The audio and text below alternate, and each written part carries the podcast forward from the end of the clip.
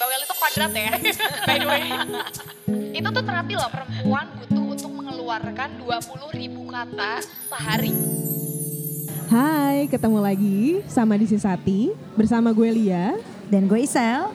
Nah, jadi minggu kemarin nih, kalau yang pada dengerin um, episode sebelumnya pasti tahu kita tuh ngomongin tentang menikah muda. Tentang menikah muda. Betul. Nah, jadi memang bulan ini kan kita ngomongin tentang menikah, tentang pokoknya hubungan masa-masa indah. masa-masa indah di uh, bulan madu ya, masa Betul. bulan madu. Nah, sekarang nih kita dapat uh, tamu, kedatangan tamu seorang psikolog yang namanya uh, Nuran Abdat. Halo, Nuran. Hai Alia, Isel. Aduh ini ini cuman podcast sih ya, padahal kita harusnya nunjukin nih Nuran nih cantik banget. Iya, ya. Gue sampai kayak jiper banget. Terbang dulu ya. BRB. Kayaknya yang pada konsultasi tuh langsung, aduh ini gimana ya? Gitu. Kalau yang konsultasi cowok kayak yang ini aja nih pacar gue gitu. Boleh gak sih? Menegangkan ya. Nah, Nuran ini uh, prakteknya di mana? Hai, aku Noran Abdat. Uh, aku psikolog klinis, uh, prakteknya itu di Brawijaya Klinik Kemang. Kalau Iya. pada tahu Brawijaya Women and Children Hospital, Iya. uh, kita satu tim. Iya, Jadi iya, ada iya. hospitalnya, ada kliniknya. Tapi untuk psikolognya memang ditempatkan di klinik, yaitu di Oke. Kemang Raya. Nah nanti kalau misalnya mau tahu detailnya bakal uh, kami share di Instagram. Kalau yang mau setelah ini mendengarkan misalnya mendapat inspirasi dari apa yang uh, Nuran berikan untuk kita, langsung aja dicek nih atau sekaligus langsung di booking misalnya. boleh, boleh, konsultasi bareng Nuran. Nah, makasih banget mau datang uh, untuk podcast Sati episode Terima kali kasih. ini. Nah, kemarin kan kami udah sempat diskusi juga kan, kita mau ngomongin tentang uh, honeymoon phase Yap. gitu. Nah, kan dalam sebuah hubungan nih biasanya uh, pas pertama-tama tuh kayaknya indah banget gitu kan. Kayak semuanya tuh um, Warna-warni. Iya, kalau kata orang yang lain ngontrak. Yes, betul. Cuman punya kita berdua Punya aja. kita ber- punya kita berdua doang. Nah, kenapa sih Kenyataannya, kenyataannya. Tapi kalau dari sisi psikologi kenapa sih uh, hal ini tuh bisa terjadi Nuran? Mhm. Basically, uh, honeymoon phase itu kan sebenarnya sebuah fase ya. Hmm, hmm. Fase yang memang tidak hanya terjadi dalam relasi pernikahan. Ya. Tapi nyatanya kalau kita kenal yang namanya pernah jatuh cinta, kita pernah pacaran Hmm. ataupun PDKT, hal itu tetap terjadi namanya honeymoon phase juga. Iya, Jadi iya, nggak iya, melulu tentang pernikahan, hanya memang kita akan tonjolkan mungkin di relasi pernikahan yang lebih dalam Hmm. dalam diskusi kita karena gimana nih rasanya kok ini bisa terjadi, Iya, terus kok iya, bisa iya, juga iya. ada berkurang atau hilang, ternyata kan gitu. Iya, iya. So yang terjadi honeymoon phase itu berarti di mana fase ini diartikan kalau dalam teorinya fase yang menggebu-gebu, Hmm. fase yang cinta luar biasa, penasaran luar biasa. Nah, fase ini biasanya berlangsung sekitar enam bulan hingga dua tahun. Oke. Enam Tapi bulan hingga dua Dicatat tahun. 6 bulan. Nah, sampai enam bulan dua hingga dua tahun. Tapi ternyata teori yang barusan aku informasikan gak hanya satu. Iya. Ada banyak teori lainnya juga dan penelitian lainnya yang menyatakan ada yang bilang 6 hingga 2 bulan. Titik. Mm-mm. Ada yang bilang mungkin loh kurang dari itu. Mm-mm. Ada lagi teori lain dari university lain di Amerika bilang kurang lebih tiga setengah tahun. Tapi mungkin loh untuk eh, semakin berkurang makin waktu ke waktu. Iya. Ada pula yang bilang standarnya ketika terjadi sebuah pendekatan itu akan fase ini muncul dalam 3 hingga 6 bulan. Mm-mm. So dari beberapa bacaan yang terjadi tentang studi-studi tadi, aku mengemas uh, poin utama yaitu let's say kita akan lihat di enam bulan pertama. Iya. Oke. Karena semua mengarah ke titik yang sama, ada kata enam bulan. Iya. Iya, iya. Jadi Iya. oh wajar sih kalau kita ingat masa PDKT kita barangkali dengan pasangan saat ini ataupun yang dulu-dulu mantan deh. Eh, pasti kan di PDKT ketahuan ya rasanya. Mm-mm. Tertariknya, semangatnya, baru jadian tuh semangat banget, pengen ke mana-mana berdua, atau chattingan terus, teleponan terus, video call terus dan Iya. lain-lain. Nah kita lihat fasenya, ini berjalan penasarannya berapa lama sih? Mm. Oh. Tapi tidak mutlak ya. Iya, Poinnya tuh oke. tidak mutlak di enam bulan aja, tiga bulan aja. Ternyata seiring berjalannya waktu dengan beragam kondisi yang terjadi, dengan standar kita yang mungkin meningkat ataupun berkurang, oh ini bisa meningkat, bisa makin lama, bisa pula makin menurun, makin kecil. Oke oke oke oke. Terus em, apa sih yang terjadi di psikologi seseorang itu pas melalui eh, honeymoon phase ini? Oke. Yang pertama pastinya menggebu-gebu kan berarti rasa penasaran yang tinggi. Iya. Iya. Hasrat meningkat. Hasrat itu yaitu tadi emosi. Eh, cinta itu kan bentuk emosi. Iya. Emosi yang meningkat ini mungkin hasrat secara seksualnya bisa. Hmm. Ingin melakukan aktivitas seksual yang mungkin berterhubung dengan penetrasi ataupun bukan. Itu bisa semakin ingin sering dilakukan. Oke. Oke, karena aktivitas seksual itu tidak hanya yang berhubungan dengan sexual intercourse ya. Iya, iya, Ada iya, dua iya. pemahaman yang berbeda nih. Jangan sampai mikirnya ke situ aja. Ketika kita menyentuh, ketika kita melakukan foreplay itu pun adalah bagian dari aktivitas seksual. Pegangan Oke, tangannya itu termasuk. Iya dong. Termasuk. Iya, kan sentuhan. Oh iya. itu iya, kan iya, bagian iya, dari iya. intimasi. Betul, Iya, betul. Makanya aku sering betul. bilang jangan pikirkan kalau intimasi itu hanya perkara diranjang saja. Iya, iya, Iya. Karena iya, intimasi iya. itu nggak kita lakukan hanya diranjang di depan TV sambil memeluk pasangan, sambil mengelus dia mungkin, sambil menatap mata dia dengan dalam dengan Wow. sedikit sentuhan, itu tuh intimasi loh. Oh, I Jadi hati-hati juga dengan sentuhan kita karena kan bisa dianggap oleh orang lain, oh berbeda. Eh jangan sampai sentuh-sentuh lu. Jadi kalau di awal-awal tuh kayak pengen disentuh terus gitu ya, pengen dilus-elus terus tiap hari. Nah ya. kapasitasnya tuh uh, lebih sering. Hmm, Nah, hmm. terkesan terkesan kesannya itu kualitas padahal kan itu kuantitas yang sering ya. Iya, itu iya, ada iya, di iya. um, honeymoon phase tadi. Iya, Oke. Lalu selain itu kita tuh antar pasangan membuat satu dengan yang lainnya merasa terkesan, ya. Oke. ingin menunjukkan yang terbaik. Hmm. Oke. Jadi kita menutup kemungkinan atau kecenderungan buruk-buruknya kita. Hmm. Dan memang kalau kita perhatikan cara kita berelasi dengan orang baru, Ya. manusia ini kan punya yang namanya persona ya. Iya, iya. Nah, kita miliki kok semua itu. Tapi kalau kita hidup 100% menggunakan topeng terus-menerus, capek gak sih? Iya, betul, capek betul, lah. betul, betul, betul. Makanya makin lama kita kenal, topeng ini pastinya kalau kita makin nyaman, kita makin berkualitas, kita akan sisihkan topeng ini sedikit-sedikit kita buka. Buka jadi apa? Jadi yang katanya diriku sendiri. Iya, benar-benar. Tapi jadi diriku sendiri bukan berarti terima aku apa adanya. Beda lagi harus ada usaha. Karena menerima seseorang dengan apa adanya yang literally tanpa usaha, wow berat sekali, tidak mungkin Benar, itu. benar, kita benar, tetap benar. harus ada effortnya loh Ya. Iya. dalam relasi. Jadi kita ngelihat di honeymoon phase itu orang atau diri kita dan pasangan kita tuh kayaknya nggak ada celaknya. Kita memaklumi. Iya. Standar kita yang tadinya ada tuh jadinya nggak apa-apa nanti juga bisa berubah. Wow. Waduh, hati-hati dengan kata-kata bisa ya. berubah. Ilusi itu ya. Benar, manusia memang bisa berubah. Oke. Eh, dan yang namanya kehidupan itu kan berjalan terus ya, Ya. dinamis ya. Tapi kenapa sih ada konteks yang namanya perkenalan di awal PDKT, ada yang namanya eh, pacaran, ada yang namanya mungkin di agama tertentu apa di agama kalau muslim tuh ta'aruf. Taruh ya. Hmm. Ada pula yang namanya hmm, pokoknya perkenalan lah. Iya. Sebenarnya kan fase itu untuk kita melihat sejauh mana toleransi kita bisa sesuai dengan orang tersebut. Iya, Benar, iya. benar, benar. Sejauh mana kriteria kita yang dari sekian kriteria mana yang paling utama sih yang mau kita cari dari orang-orang tertentu? Iya. Ah, bahwasanya manusia itu pemilih atau memilih itu wajar. Iya. Hmm. Emang itu eh, apa ya kodrat dan fungsinya manusia. Mereka pasti Iya. akan mencari yang paling menarik, yang paling em, yang paling apa menguntungkan, yang paling enak buat diri dia atau nyaman.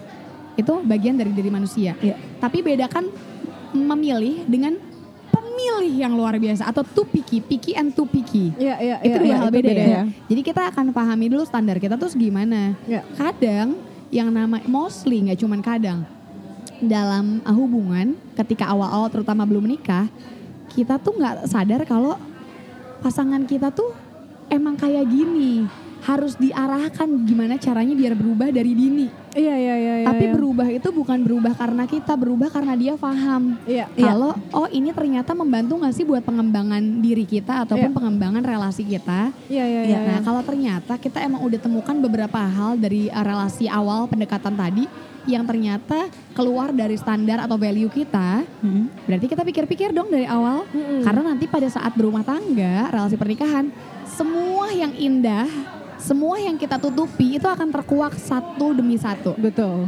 Di Jadi- situlah baru ya. Menikah itu sangat amat menyenangkan, tapi menantang luar biasa. Iya, iya, Oke, iya. jadi indah, indah banget kalau kita tahu teknik-tekniknya. Iya. Iya. Tapi kalau kita nggak tahu teknik-tekniknya, nggak kenalin konflik, nggak paham kalau konflik tuh ternyata ada yang sehat dan ada yang nggak sehat, Iya. Mungkin itu akan jadi bumerang buat kita. Bahwasanya, wow, dia nggak bisa berubah. Iya, iya, iya. Itu yang sebenarnya poinnya. Tapi kalau misalnya udah sampai tahap nikah nih, Iya. dia kan udah tahu segala macam gitu, udah melewati segala macam. Tapi kadang ada juga orang yang masih berada dalam honeymoon phase di pernikahan itu gitu. Itu kenapa bisa terjadi sih Nuran? jadi gimana? Udah honeymoon phase. Uh, uh, kan uh, Udah kalau melewati. ini kan tadi kita ngomong kayak mungkin masa pendekatan Ah, gitu. ah. Tapi kan kalau pas nikah ini sebenarnya udah tahu segala macam. Topengnya yang tadi tuh udah Iya. kebuka gitu Iya. kan. Cuman ada juga orang yang masih merasakan honeymoon phase saat dia menikah lagi gitu. Oh iya saat dia dong. menikah. Hmm, Iya dong, gimana? karena tetap uh, uh, kita berangkat dari pemahaman dulu, uh, let's say budaya ketimuran kita deh. Iya. Kita kan hidup di Indonesia, Iya. kita anggap ya. Di Indonesia itu walaupun makin ke sini yang namanya ketika berpasangan belum menikah, mereka sudah tinggal bareng dan lain-lain, tapi kita uh, kita kita melihat standarnya tidak begitu. Iya. Iya. Pem- pengajarannya tidak seperti itu. Jadi ketika kita berrelasi berpasangan sebelum menikah, kita tuh nggak bener-bener 24 jam atau let's say 20 jam sama dia melihat segala gerak-gerik dia. Iya iya iya. Kita nggak hidup dari bangun sampai tidur sama dia. Iya. Kita nggak lihat cara dia menyelesaikan masalah dari bener-bener pagi ataupun di rumah sampai keluar rumah. Jadi kan ada porsi-porsinya yang dia taruh ternyata. Iya. Dan ketika menikah semua itu akan lebih terkuak. Kenapa? Karena kita beneran hidup sama dia, satu ranjang, satu pemikiran yang dicoba dibentuk bersama, yang tidak uh, menurunkan credibility satu dengan yang lainnya. Iya. Kita berusaha dealing bareng, facing anything together. Ini lebih berat dong. Iya iya Iya, betul Karena betul. ternyata ketika pernikahan itu berjalan, mungkin saja kita punya standar-standar yang akhirnya jadi berubah juga. Iya. Hmm. Yang nggak sesuai dengan kriteria utama kita ketika tadi kita mau menikah. Yang belum terlihat sebelumnya ini ya. Yes, Iya. betul. Jadi eh, kenapa akhirnya mm, kok honeymoon phase-nya itu tetap ada walaupun kita udah PDKT di eh, pacaran? Iya iya iya. Karena memang rasanya beda. Karena cara kita dealing sama setiap masalah tuh pasti ada yang beda. Karena kita sekarang udah satu menyatu. Iya. Apa sih modalnya rumah tangga? Let's say kita mau nge-build up uh, komitmen. Kita punya komitmen, kita punya tanggung jawab bareng, kita punya respectful bareng, kita punya cinta bareng. Oke. Kalau kita cuman ambil salah satu dari beberapa poin tadi, pasti tetap ada yang kurang. Iya. Iya. Kalau modalnya cuman cinta, tentunya nggak cukup. Iya. karena rumah tangga nggak cukup sama cinta aja. Iya. Iya. Dan karena sejujurnya Exactly. cinta itu, kalau modalnya cinta ya, eh, jadi ada salah satu buku mungkin Isal atau Lia bisa cari namanya Love, Love is not enough. Iya. Oke.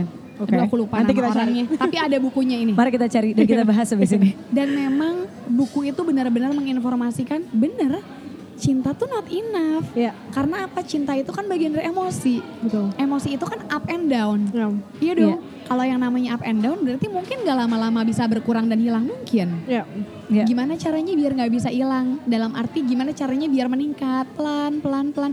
Take it slow. Iya iya iya. yang namanya yang berlebihan itu kan selalu nggak baik. Iya. Jadi kita pakai planning, perencanaan pelan-pelan dengan cara apa? Yuk kita tumbuhin bareng, yuk kita pupuk bareng, yuk kita samakan visi dan misi kita, yuk kita eh, tumbuhkan relasi yang sehat menurut kita berdua, bukan menurut orang tua kita. Iya. Iya. Kan pernikahan kita. Iya, iya, Kalau mau berangkat dari pola asuh kita, mencontoh, boleh. Mencontoh boleh. Tapi kalau misalkan kita ternyata maunya persis kayak orang tua kita, nggak akan pernah bisa. Benar benar Iya. benar benar benar banget. Cuman memang ada satu model. Kalau kita tumbuh dengan pola asuh yang penuh cinta, Hmm. Itu akan berelasi dengan hubungan kita selanjutnya. Hmm. And it's real. Dalam penelitian, terutama penelitian ini dilakukan oleh Mbak, ah, saya manggilnya Kak Ella, Najla Shihab, Mm-mm. Iya. dari Oh, keluarga oke. kita. Iya. Uh, beliau melakukan penelitian itu. Dan memang Oh. uh, diketahui pola asuh yang penuh cinta akan menumbuhkan relasi positif, disiplin positif yang baik, Iya. kinerja yang positif antara satu dengan yang lainnya. Jadi uh, bukan berarti yang pola asuhnya nggak penuh cinta berarti gagal, nggak boleh bilang gitu. Iya. Iya. Cuman akan ada perbedaan ya. Iya Iya, iya iya. uh, poinnya. Mungkin perjuangannya jadi harus lebih keras untuk orang yang tidak mengenal pola asuh cinta dari oh pasti sejak dong, kecil pasti ya. dong. Latar belakang kita kan yang berbeda-beda tadi itu Iya. pasti ada apa? Ada tolak ukurnya masing-masing iya ya. betul betul betul betul. I Cuman kan dalam pernikahan tuh we talk about long time gitu kan. Betul. Kalau katanya agama kan hingga maut memisahkan. Iya, hingga kita bertemu lagi di alam lain. Iya, Waduh berat tuh. Itu udah dua fase yang berbeda lagi Iya. kayak. Cuman kan pasti eh, akan terkikis kan nih yang indah-indah akhirnya gitu loh. Cuman eh, seiring berjalannya waktu, apakah perasaannya juga akan berkurang gitu walaupun ada yang berubah dan sudah tidak ada lagi honeymoon phase. Oke. Sejujurnya kalau kita kenali makna dari tadi honeymoon phase itu Heeh. dan juga kita kenalin teknik-tekniknya, honeymoon phase ini bisa kita berikan terus di setiap fase pernikahan kita. Hmm. Karena fase-fase dalam pernikahan itu kan ada beberapa ya. Eh, ada fase bulan madu tadi, ada fase pengenalan antar pengenalan kenyataan. Ya. Jadi lebih nyata. Pengenalan Oke? kenyataan. Berat ya? lebih ke kenyataan. Aduh berat hidup nih. Terus fase-fase kritis pernikahan yang sering kali dikatakan oleh para psikolog, para peneliti, di mana lima tahun pertama itu adalah fase-fase yang luar biasa berat dalam pernikahan. And it's true. Ini yang buat kita Yes. belum menikah harus inget ya lima tahun. Anggapnya kita hati-hati. sambil persiapan ya. Iya sambil persiapan. Ini kita lagi ini. marriage counseling sebenarnya. yang keempat ada fase tadi menerima. Tadi kalau pertama, yang kedua ada pengenalan kenyataan. Kalau Ya. di yang keempat fase menerima kenyataan. Oke. Nah, iya, iya, udah iya, agak-agak iya, beda ya iya, cara iya. tol- atau tolak pikirnya ya. Hmm. Lalu yang terakhir adalah fase kebahagiaan sejati. Mungkin kalau aku berangkat dari teorinya Maslow, Abraham Maslow tentang kebutuhan, Ya. at the end of uh, our life itu kan ada yang namanya uh, fase aktualisasi diri. Ya. Mungkin betul, betul. sisi ini bisa kita kemas pemahamannya dengan fase kebahagiaan sejati dalam berelasi tadi atau relasi pernikahan. Ya. Karena ketika kita sudah ada di titik aktualisasi diri, kita tidak sibuk untuk membandingkan, tapi kita menikmati apa yang sudah kita dapatkan. Kita Hmm. benar-benar legowo, kita benar-benar nikmatin dan kita mikir apa yang bisa aku berikan lagi untuk orang lain Iya, iya, yang iya, bisa iya. aku tinggalkan buat orang lain. Nah, tapi kalau ternyata honeymoon fase itu lama-lama terkikis, si cinta terutama rasa cinta tadi dan juga yang lain, kita review dulu. Apakah pasangan kita dan datangnya itu kita kan kadang sebagai cewek ngelihatnya pasanganku udah berubah nih Hmm. Dadan. nggak kayak dulu lagi kayaknya dia udah nggak suka lagi deh sama gue kenapa ya apa karena bentuk tubuhku Iya. apa karena auraku Iya. Iya. apa karena sikapku atau karena aku udah lebih tua Iya. atau karena gue bawel dan lain-lain bawel itu kuadrat ya by the way Eh tolong dicatat itu. Cewek Terima itu ada Siapa tahu ada yang dengerin ini cowok kan. Dia tahu dan kalau nggak ada yang bawel nggak seru deh kayaknya itu tuh terapi loh perempuan butuh untuk mengeluarkan 20 ribu kata sehari Guys, Oh oke Gua suka jadi minta permisi Ini nih ya sebagai hal valid ya buat kita bawel. Jadi sorry to say kalau ternyata dibilang ah, perempuan tuh bawel ada loh alasannya sebenarnya. Jadi jangan heboh, jangan takut. Kita Iya. nggak aneh. Iya, Sebenarnya iya, itu. iya. Terus tadi kita recheck dulu sebenarnya yang berubah tuh beneran kita tuh berubah atau beneran pasangan kita berubah. Ya, Yang mana sih yang berubah? Jangan-jangan kita yang berubah standarnya. ya. Hmm. Dalam pernikahan tuh kita punya perubahan standar. Oke. Dan salah nggak sih itu? Tentunya kalau standarnya itu keluar dari pemaknaan kita pertama kali ya jadi salah. Iya, iya, iya. iya. Karena kan kita nikah udah punya standar dong. Iya. Kita mau apa sih? Let's say, uh, Isel one day kamu mau nikah. Apa sih uh, yang kamu pengen atau kamu bayangin dalam pernikahan? Apa salah? Kuis. Em, let's say gue mau punya anak deh, gue punya Oke, anak. let's punya say ya, anak. belum let's say. ya. Nah, anggaplah punya anak ya. Suka gitu. Ah, dia Kok dia suka terus. suka toel-toel gue. Ah, apa? Biar, curhat. Biar curhat Biar teman-teman di sisi hati lebih tahu kenyataan-kenyataan pahit dan manisnya kehidupan ini. Dia suka toel-toel. Ya misalnya gue mau punya anak. Oke. gitu. Another than that. Ih, gue pengen dia komitmen 100% sama gue. Oke, Dah, komitmen gitu. sama Ya. tadi kecenderungannya atau kemungkinannya hopefully kalau Tuhan kasih Punya akan ada keturunan. Iya. Oke, itu contoh ya. Hmm. Ternyata ke depannya ini ceritanya pernikahan. Ya. Ternyata benar uh, gratefully kita dikasih pelengkap yaitu anak Iya. ya. Kita dapat amanah baru. Lalu suami juga ternyata komitmen Iya. dalam menjalani rumah tangga. Iya. Tapi ternyata dalam komitmen itu kita melihat uh, dia komitmen tapi dia tuh nggak sabaran banget deh. Kok dia sekarang jadi suka marah-marah? Hmm. Padahal kan kalau dia komit dia tahu rumah tangga ini harusnya sabar, iya, iya. harusnya tenang. Tunggu dulu, benarkah dia yang beneran nggak sabar atau jangan-jangan kita yang punya punya sudut pandang tentang kesabaran yang berbeda. Jadi cara kita mengemas konflik ternyata salah atau kurang Oke, tepat. oke. Karena yang namanya konflik itu beneran boleh ada. Ya, tadi aku sempat notice kata-kata ada konflik sehat dan gak sehat Iya. dan konflik itu dibutuhin. Tapi ter- kalau kedengar kata konflik aja, konflik itu poinnya kan kita diserang ya. Iya, iya, iya. Biasanya iya. kan gitu. Hmm. Biasanya apa sih responnya manusia ketika adanya serangan? Langsung Defend. defense, ya betul. Oke, defense ya. Iya. Poinnya ketika ternyata kita diserang, pilihannya tuh biasanya dua. Defense tuh bisa macam-macam. Ya. Mm-mm. Ada kondisi kita menyerang balik, Ya. Iya. Oke, ngasih serangan balik defense-nya kan defense mechanism banyak banget. Iya. Ada pula kondisinya yang kita mundur perlahan. Oke, kita back off, kita mundur atau kita withdrawal. Sebutannya mungkin Oke. bahasanya withdrawal kali. Iya iya iya. Gue yang dua kedua itu. tuh. Iya, dia yang kedua nih, saya yang pertama. Oke. Terima kasih. Oke. Ada dua hal itu dalam konflik. Ternyata ketika kondisi kayak gitu kita tuh punya teknik. Hmm. Ada namanya dalam psikologi itu I message, teknik I message. Oke. I, semua dimulai dari aku. Ya. Mm-mm. Eh, kalau di teorinya sebutannya aku merasa titik titik titik titik kalau titik titik titik titik. Hmm. Iya. Jadi misalkan eh, Isel ngerasa parah tiap hari lo pulangnya jam satu malam berantakan nih rumah tangga gue gue nggak bisa ngobrol gue nggak ada waktu buat bareng lo dan lain-lain Iya. Pengen dong standarnya manusia kalau pulang malam apa? Pulang malam lagi. Iya, iya, sindiran. iya, iya, oke iya. konflik gak sehat. Kenapa? Nyerang balik menyerang balik. Iya, iya, iya, iya, atau diem sambil nyolot mukanya mungkin bete cemberut menunjukkan ekspresi yang tidak menyenangkan. Nggak apa-apa. Nggak apa-apa. Iya, iya. kalau iya, ditanya iya. bilang nggak apa-apa. Ya pikirnya sendiri. Pikirnya sendiri. Sering banget tuh ya. Oke, Eh, FYI pasangan kita bukan mind reader ya. Iya, iya, Jadi iya, sampai iya. berapa puluh tahun pun hubungan nggak akan bisa dia disuruh analisa itu. Iya. Nah yang terjadi kalau iMessage tuh beda. Aku merasa belakangan ini kita jarang banget ya pilot talk lagi. Kalau memang kamu lagi bisa pulangnya lebih cepat, kita pilot talk lagi ya biar nggak hilang Iya. kebersamaan kita. Atau aku ngerasa kamu kayaknya agak letih deh belakangan ini. Kalau memungkinkan kamu istirahat lebih cukup ya. Hmm. Bedain sama tadi eh, perilaku atau enggak sikap yang aku lakuin sebelumnya. Enakan mana? Enakan yang ini lah. Iya, iya, betul. Tapi mulainya dari kita. Iya. Kenapa? Karena nggak kelihatan kalau kita mau menyerang. Iya, Iya, iya. Dan iya. kita lagi ngajakin diskusi ke sana. Betul. Kita cuma lagi cerita ya perasaan kita Iya. tuh gimana sebenarnya gitu ya. Padahal kita lagi mengemas isi hati kita cuman dengan cara yang bijaksana. Iya, iya, iya. Dengan cara yang lebih positif. Ini sebenarnya positif konflik atau positif sehat apa eh, konflik yang sehat tadi. Karena kita lebih ke fokus pada permasalahan. Kita nggak nginget-nginget 10 kali yang lalu ada tragedi apa, tapi poinnya satu ini. Lagi Iya. kejadian pulangnya kemalaman tiap hari udah sebulan, aku nggak bisa, aku mau ngasih tahu kamu.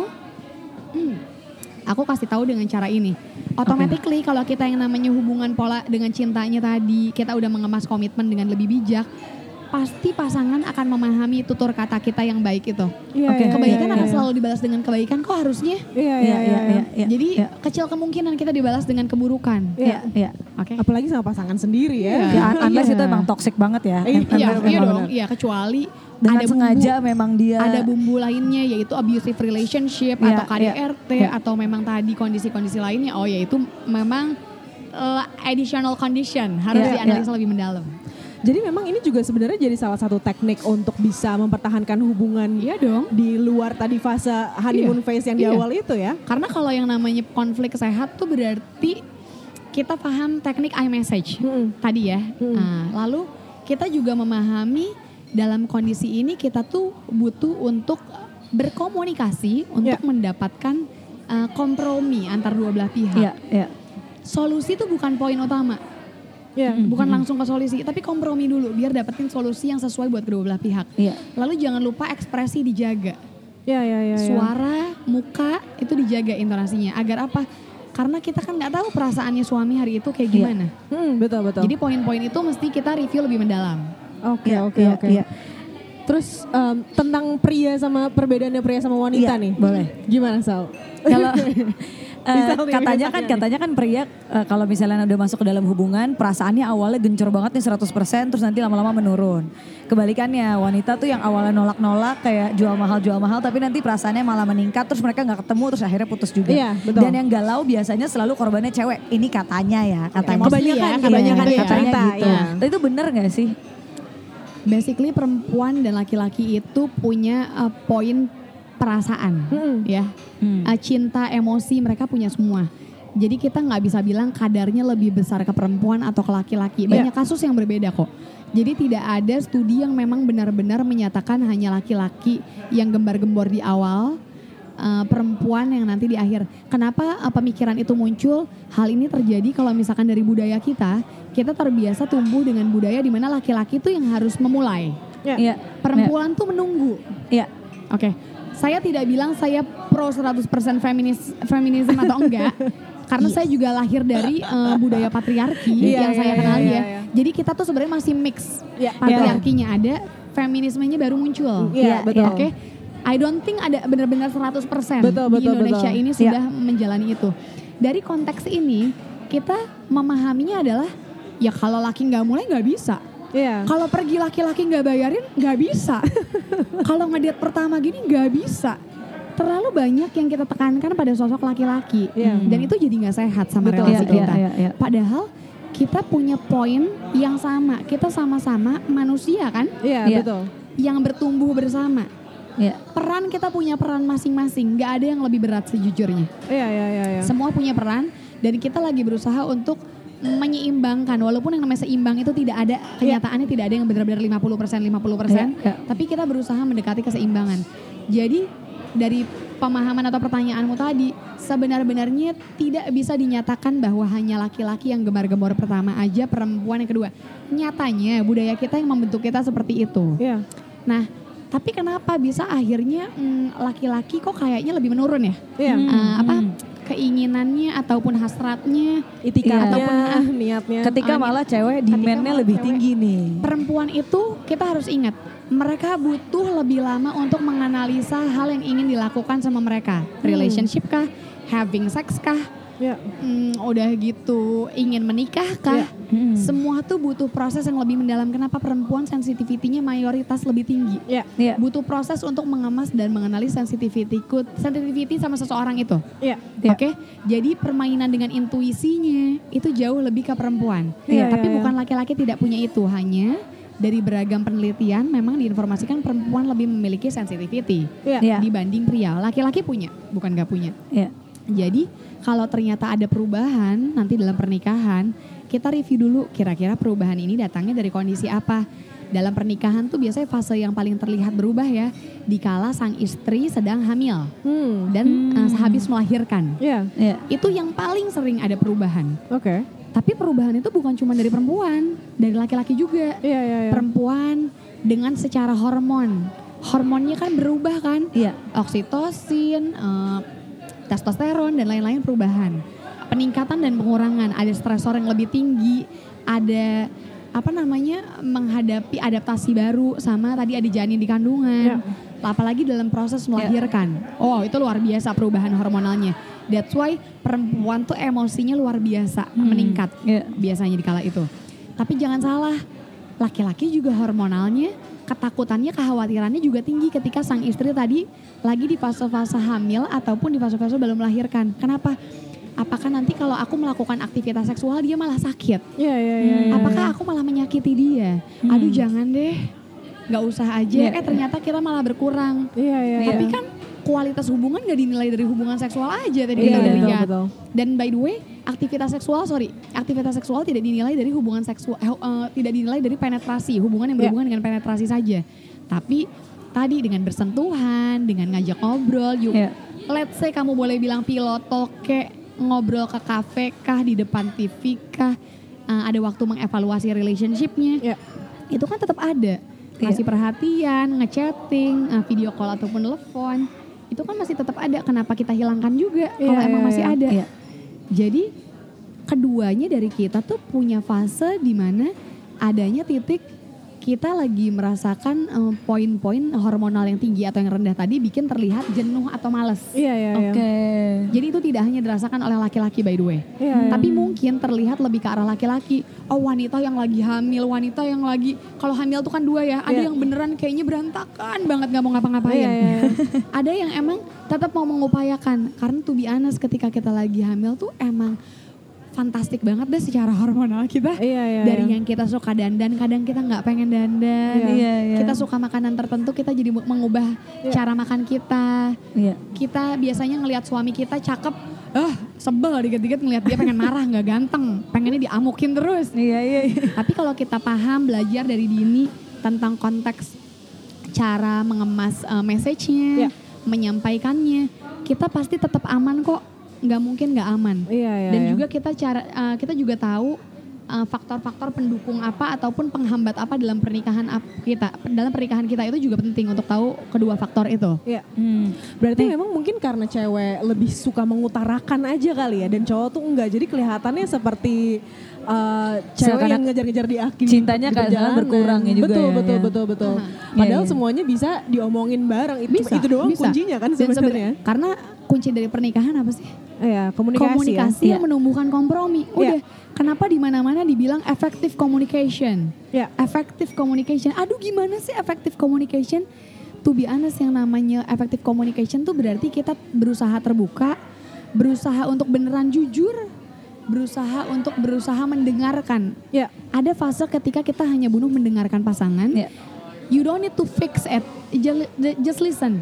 Udah, Iya, iya. titik. iya. Ya. Nah itulah perjalanan yang namanya sampai menumbuhkan kompromi deh. Iya, betul, Nih, betul. Nuran, gue tadi tertarik banget dan juga penasaran eh, karena kan setelah kita ngobrol ini berarti si fase eh, honeymoon phase dan konflik yang terjadi dalam hubungan ini semuanya normal ya, maksudnya semuanya wajar gitu.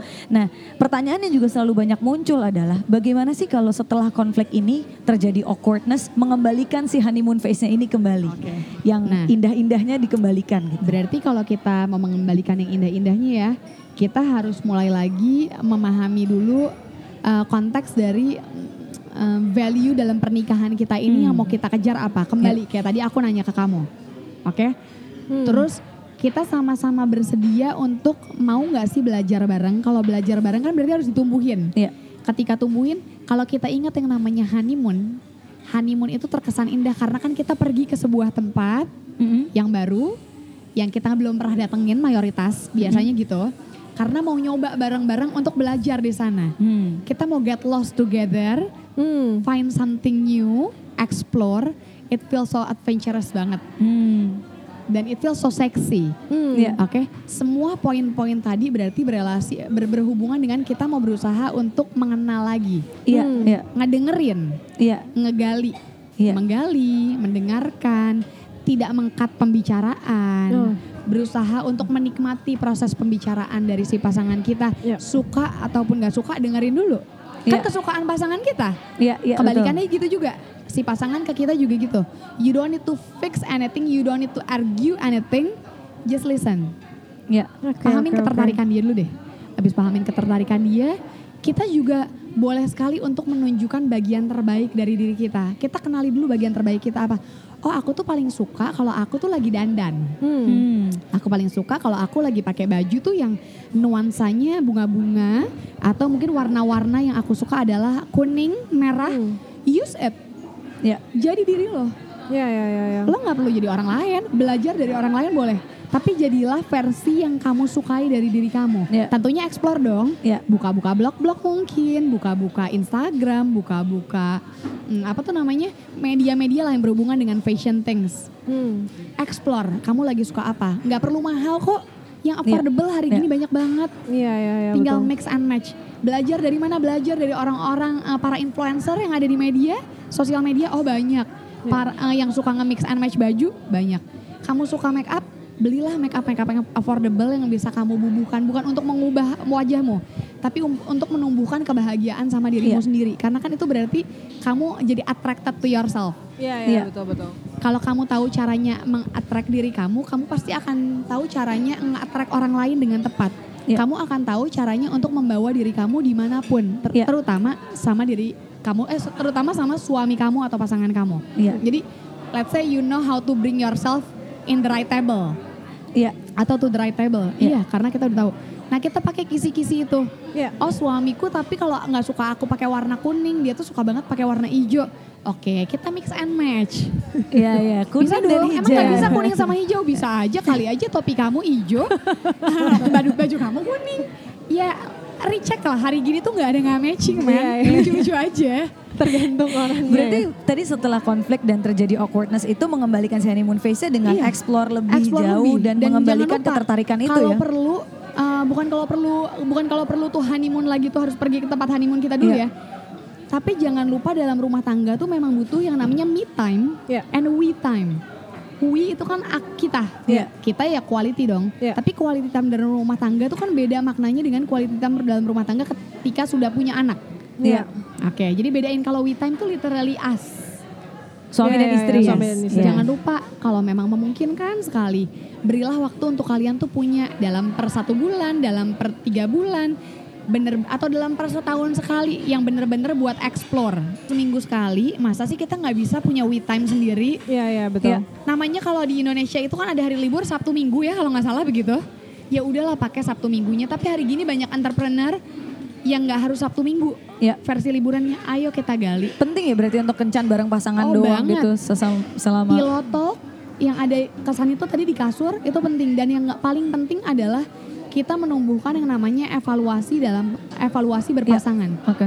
Evaluasi sama pasangan kita tuh bisa dilakuin versinya kita ya. Mau seminggu sekali, sebulan sekali atau gimana? Itu diatur sih sebenarnya. Nggak Iya. ada teori khusus untuk ber- mengevaluasi kita tuh harus eh, sebulan sekali, nggak dibilang gitu. Iya. Tapi kalau kita lebih nyaman nggak menumpuk pemikiran-pemikiran baru, cari yang paling aman ya. Jadi intinya sebenarnya kayak honeymoon phase tuh nggak cuman di awal hubungan atau kayak Iya. di awal pernikahan aja gitu. Honeymoon Jadi phase tuh bisa Iya. kita tumbuhin terus. tumbuhin terus gitu secara proses gitu ya. Jadi you just have to remember kalau misalnya udah dalam periode tertentu tumbuhin lagi aja honeymoon phase Iya, itu iya, iya. gitu. So, berarti rumusnya kira-kira rumus sederhananya kira-kira eh, tiga kali ya. Kenali fase-fasenya apa aja yang tadi udah disebutin juga, Ya. terutama fase dalam pernikahan.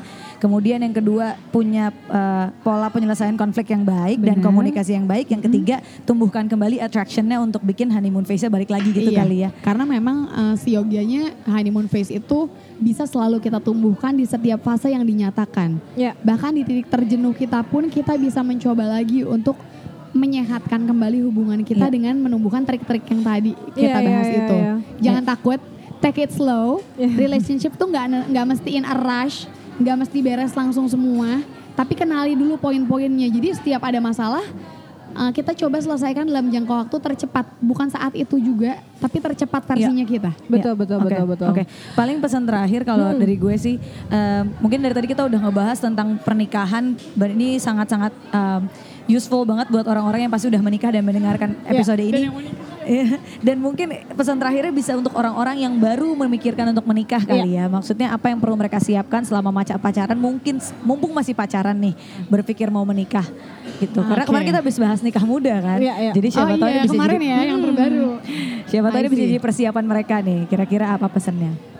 sebaik-baiknya kita tuh antar pasangan selalu berusaha selalu berusaha bersama untuk menumbuhkan eksklusivitas dari hubungan kita. Hmm. Oke, kita tuh kan jadi partner. Iya. He is not your master, she is not your master. We are partner.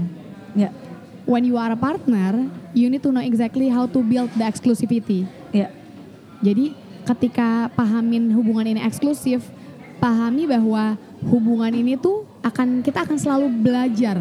Nggak ada waktu untuk berhenti berproses. Sama toh dengan kita menjadi diri kita selalu berproses. ya. So it takes so many years experiences. Jadi it's a never ending learning process. Iya, iya, iya. Dan memang kenali dulu deh bener-bener standar yang kamu mau angkat dalam uh, relationship kamu ke depannya. Iya. Ya. You don't need you don't need to be uh, to be in a rush. Uh, take it slow, analyze dulu, tahu dulu kemauan kita apa dan kemauan pasangan kita apa, baru kita pastikan bahwa oke, I am ready and capable enough to continue my relationship to the next uh, step yaitu marriage. Ya. Marriage itu seru loh. Dicatat mungkin nanti di abis dari dicatat tadi udah banyak banget eh, tips-tipsnya dari Nuran juga. Iya. Dan terima kasih banget Nuran udah Thank mau you, hadir thank di you podcastnya saat ini. Thank you so Mungkin lain kali kalau ada topik Sakti. lain eh, kamu bisa Tanya-tanya lagi, Nuran lagi sure, atau ada acara ngobrol lain lagi. eh, bareng Nuran. That's all from us and we'll see you again next week with the new topic of course. Yes. Uh, see ya. Bye. Bye.